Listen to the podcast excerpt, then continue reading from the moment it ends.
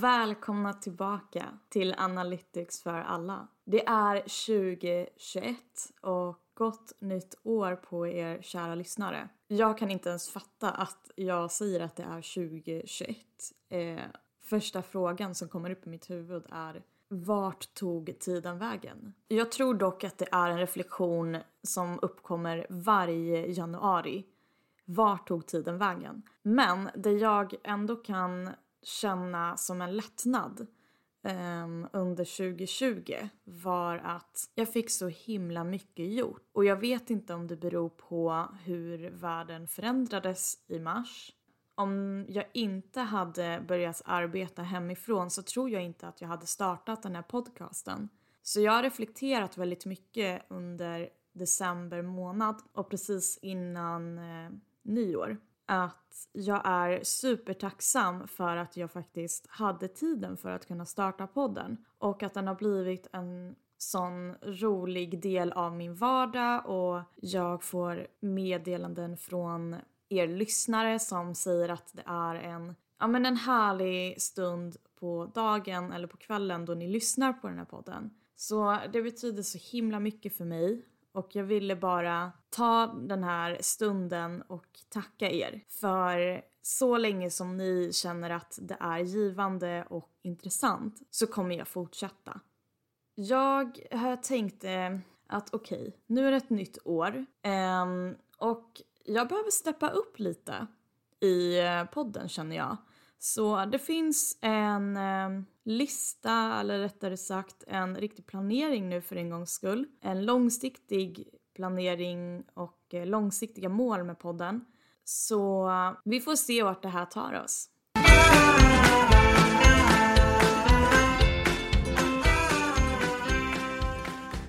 Första avsnittet 2021 tänkte jag att vi mjukstartar lite. Och varför inte då gå in på lite saftiga buzzwords? Ni har troligen hört talas om Internet of Things från mina tidigare avsnitt. Men det är ju alltså ett av de många IT-slangord som har dominerat de senaste, ja men två till tre åren. Med IoT så har det nu blivit mer omfattande att fokusera på Internet of Behaviors, IOB.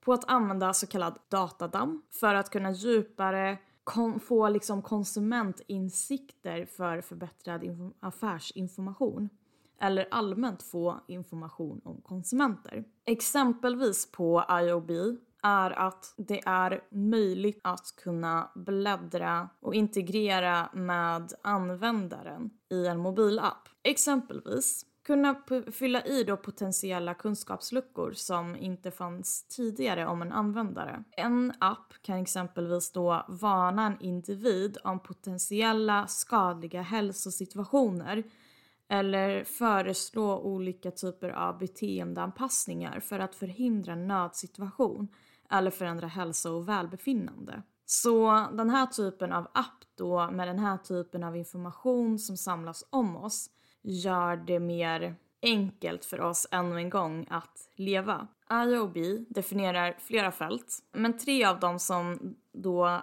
den fokuserar mest på är djup dataanalys, teknisk interaktion, beteendevetenskap. Så då en smartphone-baserad hälsoapp spårar och analyserar vår kost, vårt sovmönster, blodsockernivåer, hjärtfrekvenser, you name it. Så håll koll på begreppet Internet of Behaviors.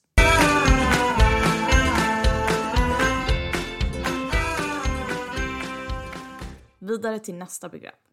Inför 2021 så har begreppet XR kommit upp. Vi har ju hört ordet AR och VR ehm, och de har gjort betydande vågor, vågor under, under de senaste fem åren och har ju förändrat vårt sätt att leva på både personliga men också på ett professionellt plan. Nu är det dags att anamma ett helt nytt virtuellt område och det är Extended Reality, XR. Och XR är ett av de mest slagkraftiga datavetenskapliga slagord som du kommer att stöta på under 2021, garanterat. Och dess potential är ju enorm, särskilt när du tar dig hänsyn till ja, men den nuvarande situationen som covid-19 som har placerat oss då i ett tillstånd av massisolering. Vilket påskyndat värdet av fjärrkommunikation och virtuella upplevelser. Det har blivit mer efterfrågat än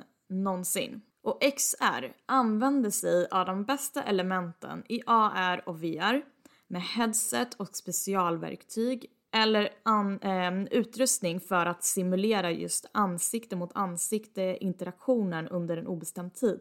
Och den andra anledningen till att XR är så kraftfullt är för att det kommer ge människor möjlighet att kunna genomföra experiment, tillhandahålla tjänster eller utföra test i en säker miljö vart som helst på planeten. Så mina damer och herrar, håll koll på begreppet Extended Reality, XR.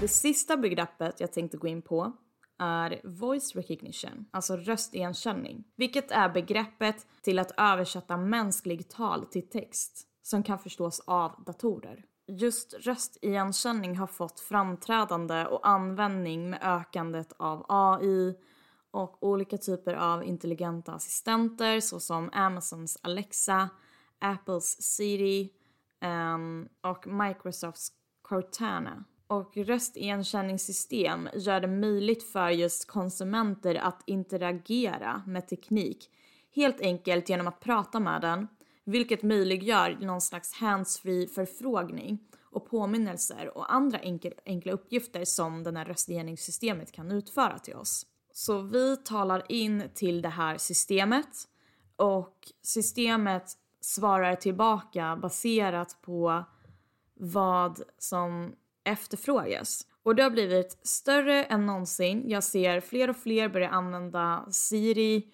um, Apple Siri um, extremt mycket. Och det är väldigt spännande att se hur det här begreppet kommer att finnas på väldigt många människors munnar framöver. Så glöm inte bort begreppet voice recognition. Det kommer komma upp säkert under någon eh, virtuell fikastund.